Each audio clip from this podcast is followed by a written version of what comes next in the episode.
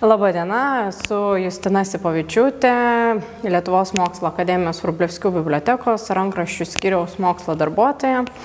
Ir šiandieną Tikrai noriu pradėti su išskirtiniu renginiu, tai Lietuvos mokslo akademijos Rublevskių biblioteka, sveikindama savo mylimą miestą Vilnių su 700 metų jubiliejum, startuoja su įdomiu, įdomia paroda, tai Vilniaus cechai 15-19 amžiaus dokumentuose. Na ir 700 e, metų jubiliejus kaip niekad šiandieną verčia mus grįžti prie istorijos, grįžti prie ištakų, na ir prisiminti Gediminą, tai kaltininką to 700 metų jubilėjaus. Na ir iš tikrųjų, Gediminas visų pirma, tai reikia pasakyti, na tikraigi nerašė tų laiškų norėdamas paminėti Vilnių ir kad šiandieną mes švestumėm 700 metų jubiliejų. Laiškų esmė buvo kviesti europinio lygio amatininkus, kviesti čia į Vilnių, stiprinti, stiprinti ekonominį miesto gyvenimą. Na ir žinoma, tuose laiškuose ir paminimas Vilniaus miesto vardas. Bet iš tikrųjų norisi klausti, na, Gedminai, o kas toliau? Niekas šiemet kažkaip vat, neanalizuoja to klausimo. E, kaip vystėsi istorija, kodėl, kaip tie amatininkai amatininkai, kodėl buvo svarbu, kaip jie kūrėsi Vilniaus mieste. Na ir natūralu, kad e, e, buvo siunčiami tie laiškai. Aišku, vokiečių ordinas e, savai bandė juos ir Ir, ir jų tą siuntimą stabdyti ir buvo antspaudas sugadintas, na, norėta, kad nesklistų ta žinia, bet dėja ar ne, jį vis tiek sklido, sklido į miestus, e, laiškai plito nuorašais, pamažu į Vilnių kraustėsi amatininkai, jie atvyko čia, kūrėsi, kūrė šeimas, e, pirkosi sklypus, na jų daugėjo, taip miestas pradėjo aukti, na ir natūralu, kad e, atvykę amatininkai, vieni buvo labai aukštos kvalifikacijos, kiti buvo žemesnės. Na ir tie puikūs aukštos kvalifikacijos amatininkai ilgainiui per tam tikrą laikotarpį jie reikalavo, kad na, jų būtų teisės, kaip pasakyti, užtvirtintos, kad būtų jie atskirti nuo tų praščiau gaminančių amatininkų ir jie gautų privilegijas valdovų. Na ir natūralu, Norėjosi parengti parodą, iš tikrųjų pažiūrėti, kaip tie matininkai klostėsi, kaip viskas vyko Vilniaus mieste ir visa parodos ta koncepcija dėliojama paprastai. Tai iš tikrųjų yra pristatomi patys cechai, tai yra e, nurodoma, kada Vilniaus mieste koks cechas kūrėsi, kokių jie rušių buvo. Tada yra pristatomi septyniose stenduose skirta e, medžiaga Lietuvos didžiosios kunigaikštystės istorijai, na ir du stendai XIX amžiaus istorijai istorijai, tai yra jau cechų tam vadinamam saulėlydžiui. Na ir vėlgi yra taip pat parodoma istoriografija, tai yra tyrimai, ko, ko, kokiomis temomis istorikai ją tyrinėjo, bei e, dėmesys skiriamas amatų ir meistrysės aprašymam. Na ir dabar tada norisi, aišku, komentuoti plačiau, rodyti ir e, pradėti nuo, nuo visos tos raidos. Tai vėlgi, kaip mes įsivaizduojam ar ne amatininkai, tai vėlgi e, grįžkime į 500 metų atgal į Vilnių, na ir pradėkime nuo tos svarbiausios datos Vilniaus miesto istorijoje, tai yra 1495 metų, kada įsikūrė pirmasis tas cechas, tai yra auksakalių cechas. Na ir pamažu steigėsi kiti cechai. Vėlgi, žiūrėti, kokie ir nebuvo. Na tai to, ko reikėjo to laikmečio didikui valdovui vyskupui, tai yra siuvėjų, chirurgų, kalvių, batsiuvių, odininkų, aludarių, audėjų, kepurininkų, mėsininkų, lėjikų, skrandininkų. Na, tarp kitko, vat, gal toks egzotiškesnis, tai jie vat, skrandininkai išdirbdavo avikailius ir iš jų siūdavo audinių nepamuštas skrandas. Kaip matysite, skaidrėje. Tai nebuvo tikrai taip, kad valdovas atsikėlė vieną dieną ir, na, ir pasakė, reikia padaryti tvarką valstybėje, e, duoti štai privilegijas ir, ir, ir juos atiteisinti. Ne, tikrai taip nebuvo. Jeigu auksakaliai ir siuvėjai kūrėsi 1495-aisiais, tai kaip matot iš skaidrės, e, kiti cechai tikrai e, kūrėsi kas dešimtmetį ir ne, ir ne vienodai. Tai toliau gali, aišku, dar būti puodžiai, pozumentininkai tokie va egzotiškesnė, tai jinai gamino pozumentą dekoratyvinius apsiuvus virveles, įvairaus pavydalo kutus, katiliai, tie patys va tymininkai gal mažiau girdėti visuomeniai, tai yra tymininkų safianininkų cekas, tai va safianas yra plona minkšta, dažyta oškų ravių oda, dar vadinama tymu. Ir iš safiano buvo gaminama prabangia valynė, baldai, pakinktai, galanterijos reikmenis, na, knygų viršeliai.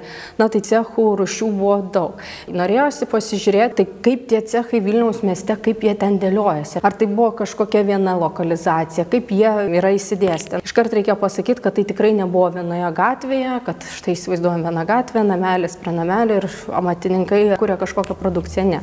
Tai kaip matote iš žemėlapio, cechai yra įsidėstę ganėtinai pasklidę po miestą į, įvairialypiškai ir, na, iš tikrųjų, ne tiek, kiek svarbu, koks cechas, kur galbūt štai išsikūręs, bet parodyti pačią struktūrą, kad tai yra įsimėtę. Lietuvos mokslo akademijos Frublevskių biblioteka tikrai gali nu, labai didžiuotis turėdama išskirtinę um, kolekciją cechų, nes, na, tikrai tai, ką norėjosi parodyti visuomeniai, visas privilegijas, um, kurios tikrai yra unikalios, retos, vienetinės ir, ir visas jas iš tikrųjų išskyrus gal eliminuojant tik tai dvi, dvi iš jų dėl prastų išlikimo pavyko parodyti, eksponuoti ir pristatyti visuomeniai.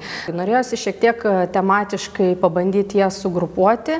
Tai vėlgi, tai buvo pirmame stende įkurdintos siuvėjų, audėjų ir kepurininkų cechom skirta medžiaga. Tai yra unikalios privilegijos. Na ir kaip matote, pavyzdžiui, pirma ta privilegija tai yra Vilniaus siuvėjų cecho pranešimas Kauno siuvėjų cecho apie Vilniaus siuvėjų cecho nuostatus 1560 metų. Toliau eksponuojam tikrai reta ir Jono Kazimiero privilegija, kuria tvirtinamas Vilniaus siuvėjų cecho statutas. Draugė yra, aišku, ir išta ir Jono Sobieskio privilegija, tvirtinant Jono Kazimiero Vilniaus siuvėjų suteikta privilegija. Apatinėme stende galite išvysti taip, Stepono Batoro privilegiją, kuria yra tvirtinamas Vilniaus audėjų cecho statutas, bei Žygimanto Vazos privilegija, kuria tvirtinamas 1586 Stepono Batoro dekretas Vilniaus kepurininkų cecho meistrams, priteisintis kasmetį miesto išdą kiekvienam mokėti po 30 lietuviškų grašių. Antrasis tentas, tai vėlgi buvo kiek bandyta jį tematiškai sugrupuoti, padaryti, tai yra skirtas dailidžių pakinktų liejikų ir auksakalių cechui. Na ir čia atkreipčiau dėmesį į Vilniaus dailidžių cecho statutą Augusto III tvirtamojam privilegijoje.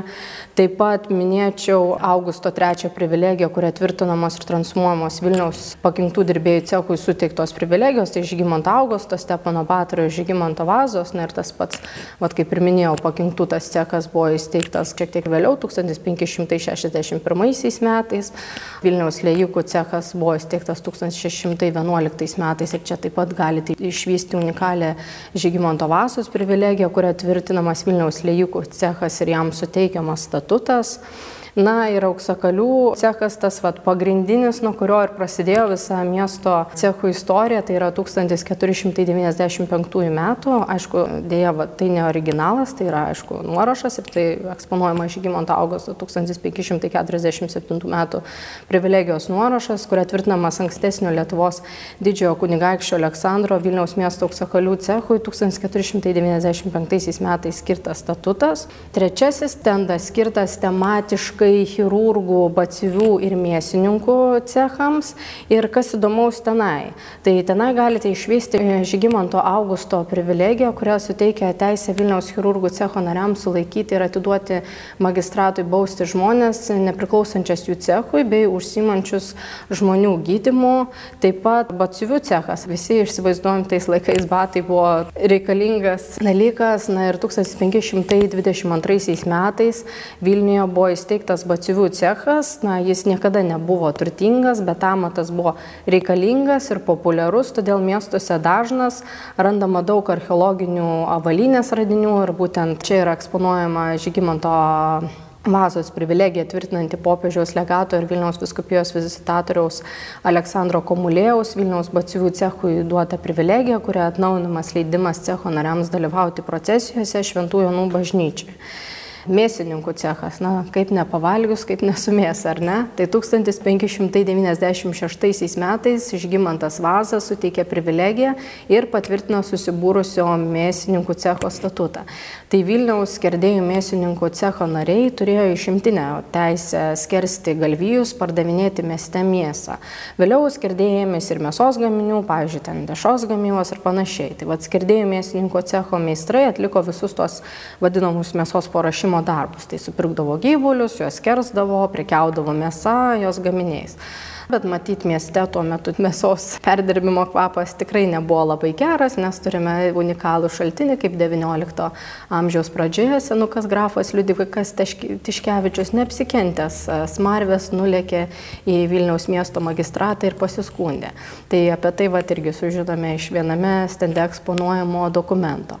Na ir stende mėsininkų cechą atspindi tai Žygimanto Vazos privilegija, kuria tvirtinamas Vilniaus krikščionių mėsininkų cechas ir jam jam suteikiamas statutas. Toliau dar vienas toks va įdomus, grįžtant prie bacivių, tai vienas dokumentas, tai yra Vilniaus bacivių cecho bylų registre, 16 amžiuje yra žinių apie su cecho nariu Radikovskiu susijusius reikalus dėl sąskaitų ir dokumentų ant spaudavimo cecho spaudų. Tai vad buvo ir kivirčių tais laikais, apie kuriuos dar mes tikrai labai pakalbėsime.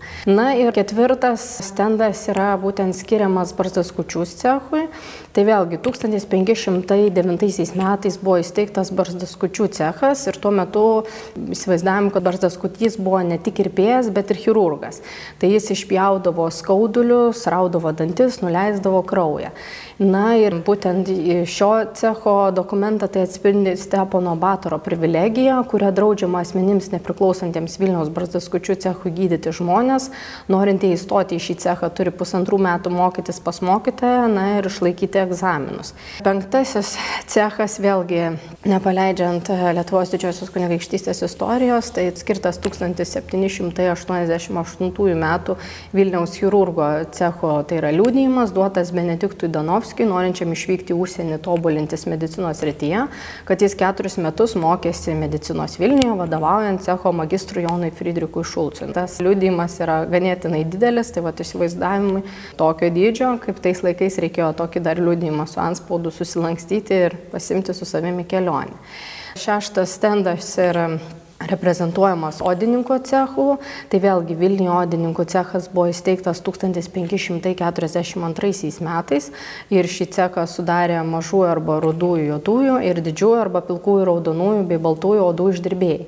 Tai vad būtent pirmųjų produkcija buvo skirta vietiniai rinkai, tai ten balniams kokiams, batsiuviams, o antrųjų daugiausiai buvo jau eksportuojama. Na ir į cecho sudėti taip pat įdėjo ir vadinamieji kordobininkai, kurie išdirbdavo ypač geros kokybės kordobą kalbą. Tai ožiuko, eriuko arba veršelio minkštai išdirbta oda, pavadinimą gavusi nuo Kordobos miesto. Tai stende eksponuojama 1783 m. Stanislovo Augusto Ponetovskio privilegija, tvirtinant Jono Sobieskio Vilniaus odininkui suteiktą statutą. Na ir septintas, va jau tas stendas labai dėkingai iš tikrųjų susidėliojo, nes na, pagaliau tematiškai visos privilegijos skirtos tik, tik tai vienam, tai yra knygrišių cekui. Na ir jeigu kalbėti istoriškai žiūrėti, tai pirmieji knygrišių cechai įsikūrė 16 amžiaus viduryje Vokietijoje, tai Augsburgė ir Wittenbergė prieš 1540 metus, Leipzigė, pavyzdžiui, 1544, Hamburgė 1590, na, bet e, nėra tiksliai žinoma, kada Vilniuje susikūrė pirmasis knygrišių cechas, nes 1664 m. Vilniaus knygrišių cecho privilegijoje paminėta, kad prieš daug metų Vilniaus knygrišių ceche buvusi tvarka. Dabar kas reprezentuojama yra šitame stende, tai rodoma Lenkijos karalius Lietuvos didžiojo kunigaikščio Jono Kazimiero privilegija, kuria Vilniaus krikščių cechui suteikiamas statutas. Toliau parodoma taip pat Jono Sobieskio privilegija tvirtinanti jo pirmtakų Jono Kazimiero ir Mykolo Kaributo Višnioveckio knygrišių cechui duotas statutas. Taip pat e, Mykolo Kaributo Višnevieckio privilegija tvirtinant Jono Kazimiero Vilniaus knygrišių cechui duotą statutą. Na ir aišku, norėjusi, kadangi vien tik tai yra aišku ta valdovo medžiaga, ar ne, privilegijos, parodyti ir to laikmečio, ar ne, to, tą kūrinį, tai yra, na, knygą, nu, tai tiksliau yra aišku Mišiolas, tai yra eksponuojama tikrai e, turima viena iš bibliotekos vertybių, tai Mišiolas su do nacinių įrašų liūdinčių, kad Vilniaus vyskupas Jurgis Tiškevičius, tuo metu dar būnamas Žemaičių vyskupų, knygą dovanoja Kražių benediktinių Švento Arkangelo Mykolo bažnyčiai. Na ir aštuntas, kaip ir devintas minėjau cechai, tai jau ta vadinama XIX amžiaus medžiaga, tai yra jau vadinamas tas cechų saulėlydis, kai jau tie amatininkai, na, keičiasi visa ta ekonominė situacija ir jau tų amatų gyvavimas mieste nunyksta, bet e, medžiaga tai taip pat bibliotekoje yra turima iš ties įspūdinga. Jeigu minėjau, kad privilegijos, vat, visos tos, kurios yra saugomos bibliotekoje, yra eksponuojamos, parodomos, tai čia gal įskirčiau vieną fondą, tai 232, e, tai vat, Vilniaus podžių cechą.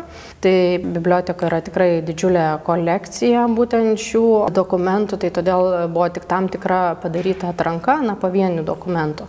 Tai e, vėlgi, kas reprezentuojama XIX amžiui, tai Vilniaus cechai registruodavo savo veiklą, savo narius ir jų mokamas pajamas. Na ir turime išlikusią 1779-1845 metų datuojama Vilniaus laikrodininkų cecho knyga, kuri va, taip pat yra eksponuojama. Na ir datuojamus Vilniaus podžių cecho susirinkimo protokolus ir mokesčių registrus.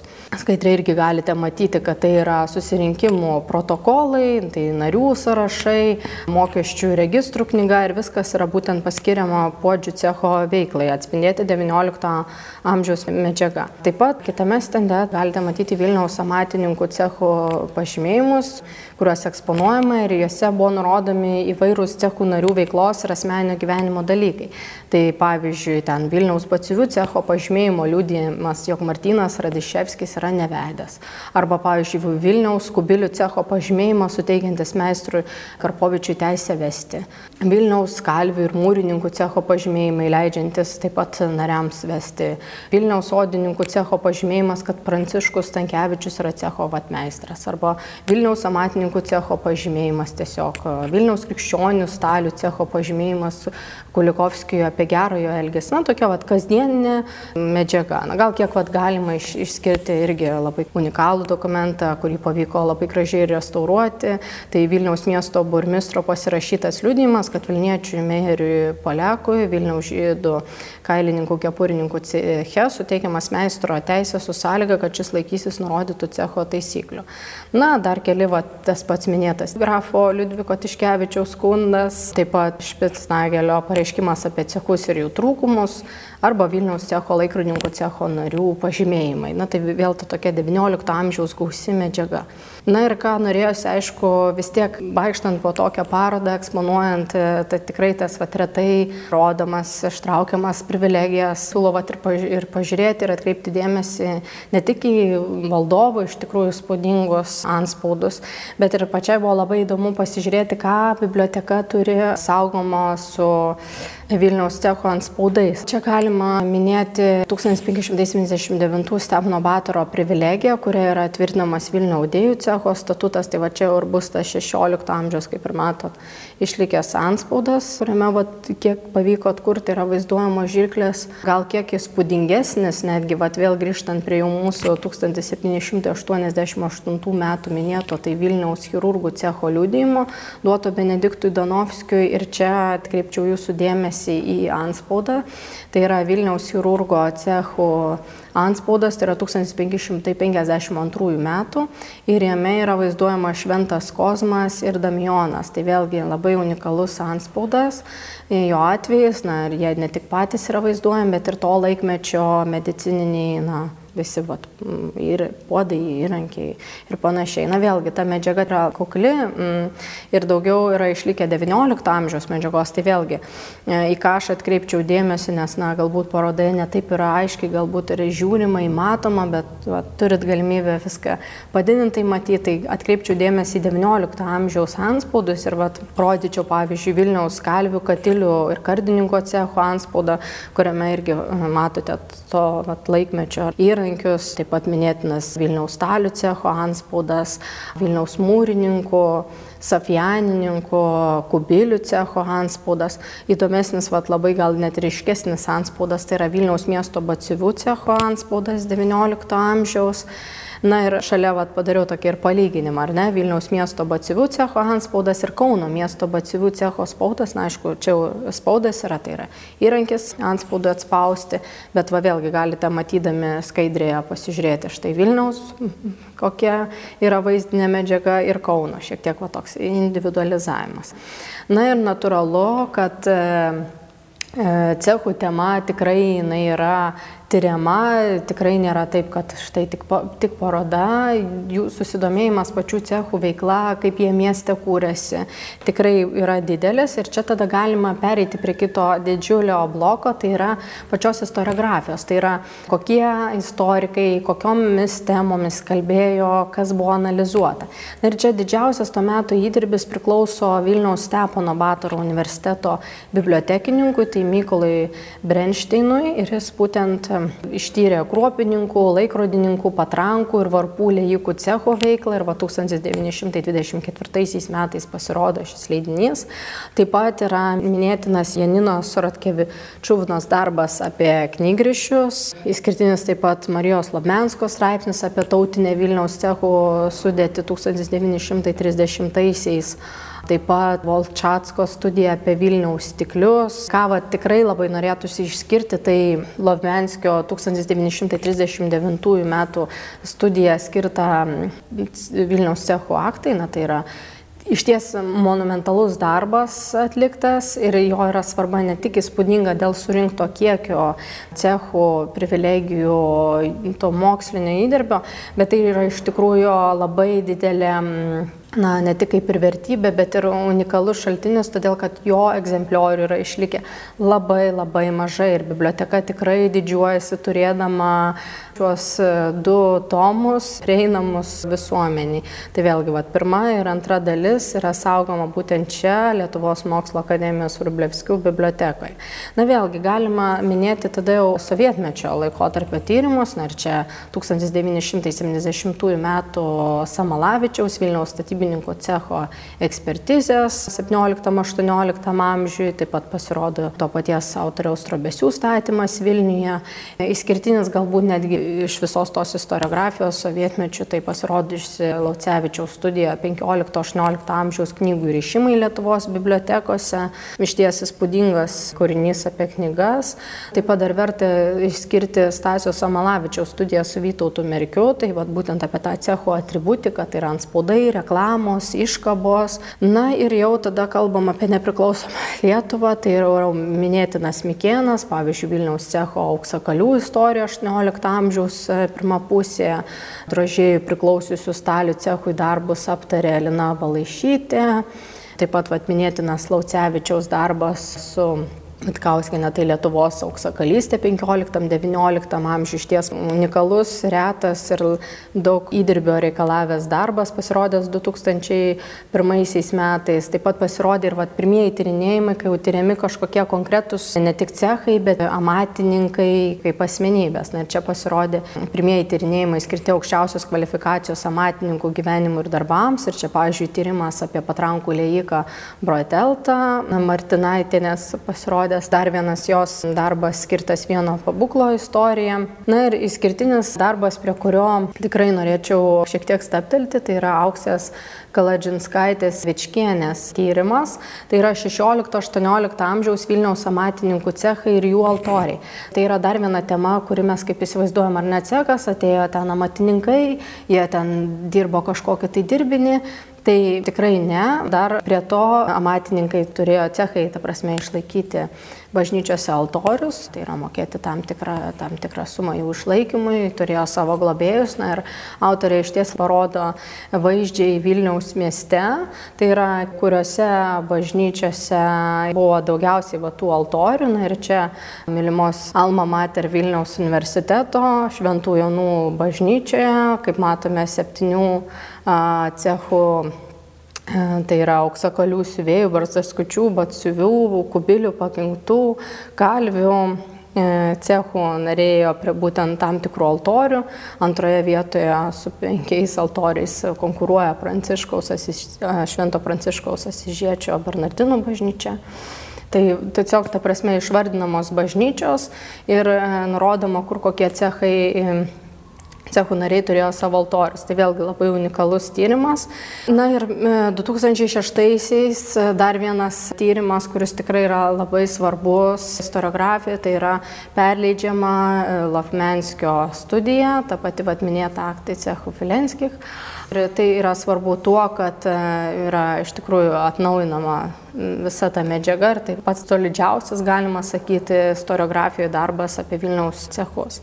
Na ir aišku, šio laikiniai istorikai nepamiršta cechų, tai vėlgi galima minėti Lietuvos istorijos instituto istoriko Pugačiausko, Vilniaus mėsininkų cecho tyrimus XIX amžiaus pirmoje pusėje, pasirodo taip pat Klimkos Vilniaus cechų istoriografija, taip pat vėlgi visų mano aptartų tų tyrimų e, apžvalga. Na ir biblioteka, aišku, kadangi nu, nėra tų galimybių, kiek pat aš ar ne išvardinau begalės tų tyrimų paeksponuoti, tai vėlgi eksponuojami tik viename stende seniausi leidiniai, Lobmenskio atminėtas dviejų e, tomų leidinys, na ir keletą, va, tik tiesiog, kaip matote, skaidrėje dėl, dėl vietos elementariai stokos, bet, na, parodant, kad tikrai tų, tų tyrimų yra ir jie tyriami, nu, ir va, šiandieną kaip tik tai yra paroda šitai temai skiriama, tai vėlgi tai yra, na, tyriama tema nepamiršta. Ir vėlgi, norėjusi norėjosi, e, norėjosi tų vaizdų, norėjosi parodyti, ar ne, jeigu dėti tai yra ten kokius bacivių cechas, tai norėjosi bato, jeigu dar kažką, na, bet techninės galimybės to neleido, reikėjo suktis iš padėties, bet norėjosi parodyti, ar ne tų vaizdų, na, tai kaip ten tie, ką ten tie amatininkai kūrė, darė. Na ir čia buvo tokia vat, viena iš unikalesnių atvejų, tai parodyti, na, kiek analogija, aišku, tai yra tolimesnė mūsų šalis Europos, tai Prancūzijos ir čia aš labai išskirčiau unikalius tomus, kurie yra saugomi bibliotekai ir, juos paviešinti, apie juos pakalbėti plačiau. Tai prieš 250 metų pradėta gyveninti Prancūzijos karališkos mokslo akademijos projektą, tai amatų ir meistrystės aprašymus. Ir idėja viso to projekto buvo kokia? Tai yra idėja buvo brandinta nuo pat akademijos įsikūrimo 1660 metais ir norėta pateikti įsamų iliustruotą Prancūzijos amatų pramonės ir verslo aprašymą, kad būtų galima juos palyginti su kitų kraštų pasiekimais. Na tai yra įspūdingo dydžio leidiniai, virš 20 tomų, didesniai A4 formato, na tai yra storos knygos. Kaip pat matote ir skaidrė, ar ne, tai pavaizduota batsiuvystė, skirta iliustracija, kaip pat yra kokie įrankiai, kaip tas batas yra kūriamas, arba pavyzdžiui, knygrišystė, ar ne, kaip yra knyga, kokio, kokie įrankiai buvo, kad jinai būtų padaryta. Na ir va patys tie tomai, kaip jie atrodo bibliotekoje, ar ne? Tai Karališkos dabar mokslo akademijos narių ir amatų praktikų parengti aprašymai yra vienas iškiliausių apšvietos laikotarpio Prancūzijos techninę kultūrą atspindinčių paminklų ir pirmasis bandymas susisteminti, aprašyti verslus bei darbo priemonės, kurios vėliau vat, išnyko. Na ir iš šių leidinių sužinome daug įdomios informacijos apie mūrymo, staliaus, batsiuvio, odininko, puodžiaus, siuvinėjimo, knygrišio, auksinto ir kitą darbą. Na ir iliustracijos suteikia daug žinių apie aplinką, kurioje vykdavo patys darbai. Tai vėlgi, vat, norėjusi parodyti, pavyzdžiui, vat, pypkių darimas ar ne laivininkystėj, tada porceliano gamyba, plombavimui. Na, tai yra tikrai įspūdingas leidinys. Ir čia, aišku, vėlgi norėčiau išskirti tuos pagrindinius ar ne asmenius. Minėtinas Renė Antuanui Feršo Deremiurui, būtent jisai kaupė medžiagą, raižinius, pats e, parašė ir parengė keletą darbų apie inkarų gamybą. Na ir po jo mirties 1757-aisiais tuos darbus tęsė Andry Louis Duameliui Dumonso. Ir jis domėjosi chemiją, botaniką, mechaniką, o jo pavardė randama 27 knygos aprašymuose. Tai vad parodo, jeigu, jeigu tik eksponuojama, kaip matote, iš skaidrės tik keletą vaizdų, bet jie vat, na, parodo to laikmečio, jeigu žiūrėtumėm 18 amžiaus, kaip vis viskas buvo išlikę, na tik, tik tai, kaip sakyt, keletą vaizdų na, ir kas gal įdomus, gal ir toks dalykas, kad na, biblioteka tikrai nu, labai didžiuosi išsaugojusi ir, ir turėdama tuos leidinius ir leidžianti prieiti visuomenį, su jais susipažinti, nes gal net ir toks vat, įdomus atvejis, kad vienas mokslininkas kaip tik vyko į Prancūziją ieškoti šių tomų, o jie yra saugomi mūsų bibliotekoje, na tai vat, ir, ir, ir parodo. Na ir vėlgi, jeigu jau dabar apibendrint ar ne, kalbėti ar ne, kokias cechų gyvenimas, mes visi įsivaizduojam ar ne, kad tai ateidavo matininkai, jie ten e, dirbdavo kažkokį tai batą, kažkokį tai ten e, taurę puodą ar spaudą raižydavo, na ir viskas čia labai e, gerai buvo tame mieste. Nu tikrai nebuvo gerai. Buvo ginčių, buvo kivirčių tokių, kad visas Vilniaus miestas skambėjo.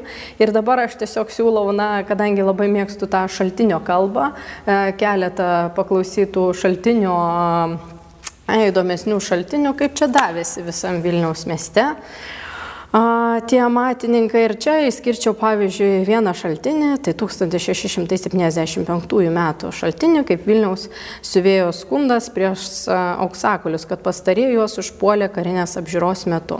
Taigi skundėsi ir su didžiu širdies skausmu protestavo garbingasis Jonas Grigoravičius, Vilniaus miestietis siuvėjas, savo tironiškai sužaloto žento, garbingojo Zacharijaus Dankievičiaus, taip pat Vilniaus siuvėjo vardu prieš garbinguosius auksakalių cecho vyresniuosius ir prieš visus Vilniaus auksakalius, dėl to, kad jie šiais 1675 metais spalio 1 dieną visuotinės bendros Vilniaus miesto apžiūros metu, kur paprastai vyksta karinės apžiūros, pasityčiojo ir pasijokė iš viso Vilniaus miesto ir vyresnybės ir įstatė kitų miestų, valstybių ir tautų pasišlikštėjimą ir pajukai. Ten auksakaliai, turėdami piktų keslų, lukuriavo, o netrukus pagerbė vyresniuosius ir daugybę kitų visokios padėties ir įvairių pareigų žmonių, stebinčių karinę apžiūrą rimtimi, tai kaip pridera apžiūros metu, nežinia dėl ko supykę ant siuvėjo, drįso sukelti sumaištį ir ryžosi būrių, su ištrauktais kardais šaukdami, šaudydami, užpulti pulti stovinčius siuvėjus,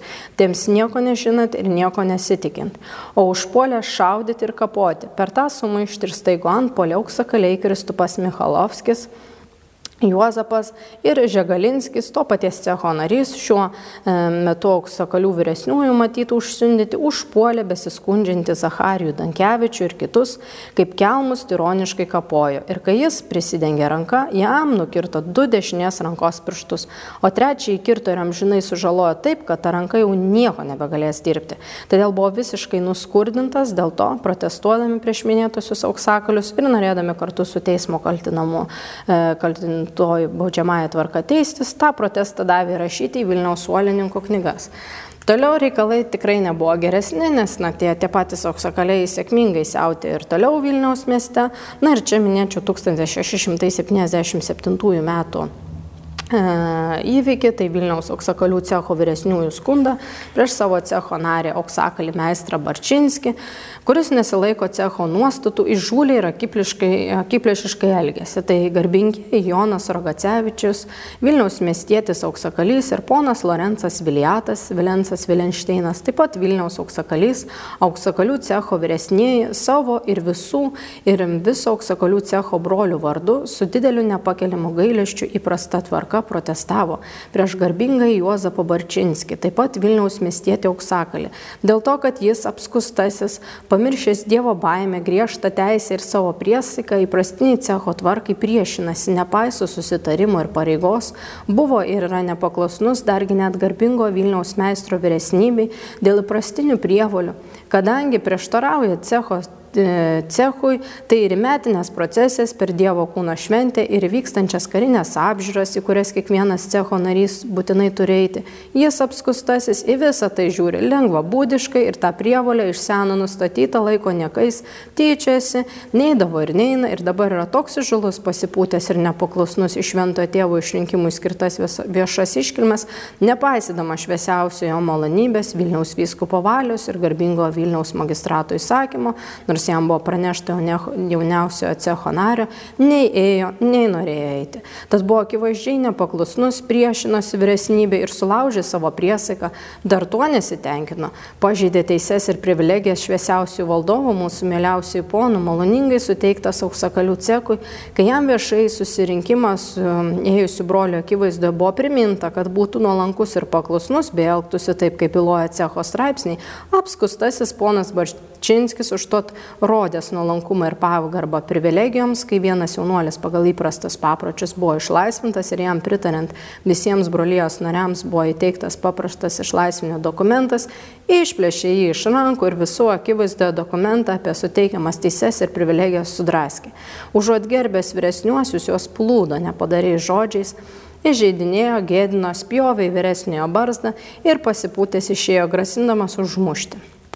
Dėl to, kad pagal numatytą tvarką ir paprotį nevaikščiai į šventas mišes padarė didelę žalą Šventojono bažnyčios koplyčios altoriui ir aukoms, o kai jam primenama, tada plūsta ir žydinėja brolius. Todėl protestuodami ir norėdami teisėtai nubausti apskustai poną Barčinskį, prašė tą skundą įrašyti į Vilniaus garbingųjų burmistrų tarnybos įstaigos knygas. Tai ir buvo įrašyta į knygas.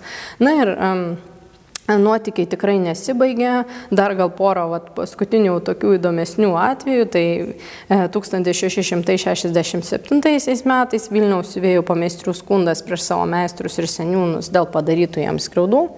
Tai skundėsi ir iškilmingai protestavo ponas Jonas Vernikė, Adomas Reiteris ir visi siuvėjų pameistriai prieš meistrą Kristijoną Veinreichą ir prieš visų siuvėjų cecho seniūnus, meistrus ir jų padėjėjus dėl skriaudų ir nepakelimo įžeidimo padarytų šiuo būdu.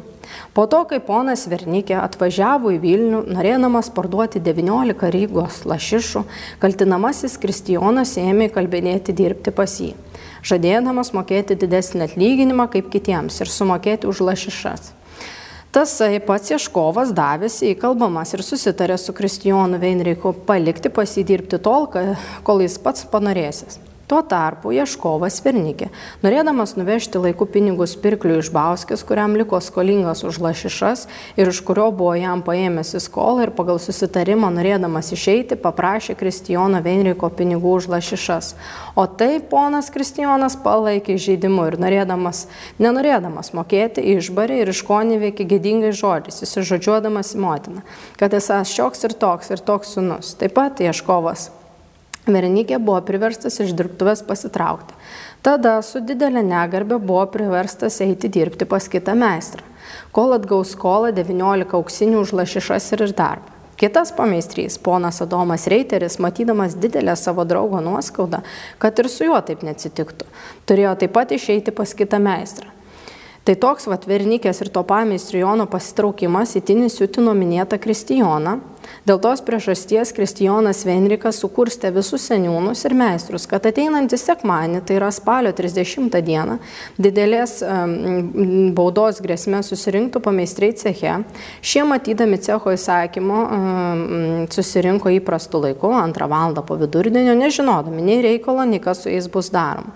Ir savo patalpose sėdėjo kukliai, kol jiems buvo pagal paprotį pranešta, kada, kada jie turi atvykti į rūmus, kur posėdžiavo ponai seniūnai ir meistrai. Tačiau nebuvo jokio pranešimo iki pat karo, tyčia, vilkinant, kad vakare galėtų susidaroti su ieškovais. Tada jau vakare ponai seniūnai įsakė pašaukti pas save Joną Vernikę ir Adomą Reiterį. Vos tik įėjo į rūmus, stojau, užkabino duris, įsakė uždaryti vartus, paskui pasišaukė ir du kitus mokančius lenkiškai, kad išverstų vernikiai, koks cecho nuosprendis būsės padarytas. Ponas seniūnai sakė tokiam Kristijonui Ansevičiui išversti, kad 12 meistrų jį lupsė bizūno išties ant suolo rūmų viduryje. Tuoj pat pradėjo Vernikė ir kartu Kristupo Bartė įsižodžiuodami į motiną, muždami bizūnų, ypač Konstantinas. O kai pastatė rūmų viduryje suolą, norėdami paimti ir ištiesti ant jo atvykusi ir prasimanantį Amės tropameistrį Vernikė, vargšas buvo priverstas sprukti porą langą. Ten langė jį sučiupė už plaukų ir tasę, ir, o kiti išbėgė iš rūmų pusiau pakibusi langę, mušė lasdomis ir bizūnais, ištisą ketvirtį valandos kaip kokį valkatą.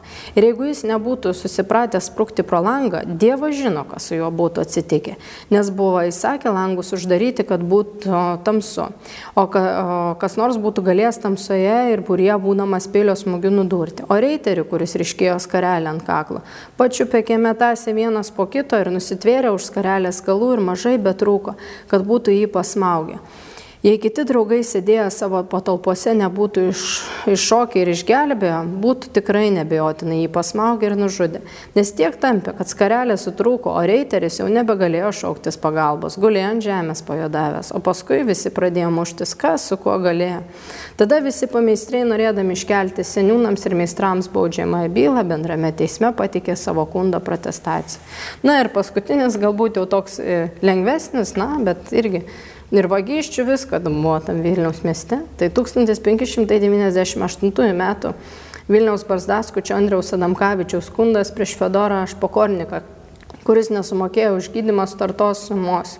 Tai 1598 metų Nuo Kristaus gimimo spalio 19 dieną jo karališkos didenybės Vilniaus pilies teisme man Stanislavui Pukštai Klauskailaičiui, Valkavisko vėliavininkui, Vilniaus vietininkui pasako ir skundė Andrius Adamkavičius, Barzas Kutys, šiuo metu gyvenantis Čenykščiame Vilniaus mieste Fedorą Špakorniką, Polotsko miestietį. Dėl to, kad esą šiais 1598 metais tas Fedoras Špakornikas sirgdamas leidusi jo parsdaškučio Andriaus Adamkavičiaus gydomas ir už gydymą bei vaistus, taip pat už darbą ir priežiūrą sutarė jam barsdaskučiui sumokėti šešis lenkiškus auksinius, o už maisto būto šeimininkų turėjo sumokėti ką pagrašių. Tačiau tas Fedoras Špakornikas, Polotsko miestietis, išsigydęs ir pasveikęs šiais 1598 metais spalio mėnesio 15 dieną prisirinko ir prisigrobė jo barsdoskučio Andriaus Adamkavičiaus Vilniaus daiktų iš jo būto Vilniaus miestiečio pono Homlevičiaus namuose Vilniaus mieste netoli Šventojo Mikolojaus bažnyčios. Tai yra tas Fedoras Pokornikas, esą paėmęs jo barzdaskučio maišą su futleru kuriame buvo įvairių barzdaskučio įrankių, indų, skustuvų, žirklių, šukų. Visą tai jam kainavė aštuonis lenkiškus auksinius. Trys marškiniai, vienerios apatinės kelnes, nu žodžiu, prisirinko kaip reikalas. Visą tai tas Fedoras Pokornikas iš jo barzdaskučio Andriaus Adamkavičiaus ir iš to būto minėto Homlevičiaus namuose susirinko ir savavališkai bei neteisėtai pagrabė. O už barzdaskučio paslaugos, kai buvo sutarta, šešių lenkiškų auksinių, taip pat šeimininkų už maistą kapos grašių nesumokėjo mokėjo. Ir spalio 15 dieną iš to Brasdaskučio Andriaus būto ir iš pono Homlevičiaus namų, nežinia, kur išvyko ir pabėgo padarydamas skriaudą ir nemažai nuostolių. Ir tai tas Barduskutys, norėdamas su tuo špokorniku bilinėtis, paprašė rašyti pilies teismo knygas. Na, žodžiu, davėsi Vilniaus mieste kaip reikalas, e, tikrai yra ne vienas tyrimas, galbūt va, ir minėčiau profesorės Raimondas Ragauskinės, Vilniaus aukso amžiaus, naują pasirodžiusią knygą, tai čia tikrai mieste negyveno jie čia taikiai, buvo visko, na ir tikrai tas amatų e, cechų tyrimų raida dar tikrai nusimato matyti didelė, tai Biblioteka tikrai džiaugiasi, kad e, tiek privilegijos, tiek vat, visa istoriografija, tyrimai yra saugoma čia. Na ir e, kiekvienas iš e, besidominčių gali tikrai atvykti, tyrinėti, domėtis. Na ir tikrai linkiu, kaip sakyt, pažinti cechų gyvenimą, atrasti amatininkus ir ačiū uždėmesi.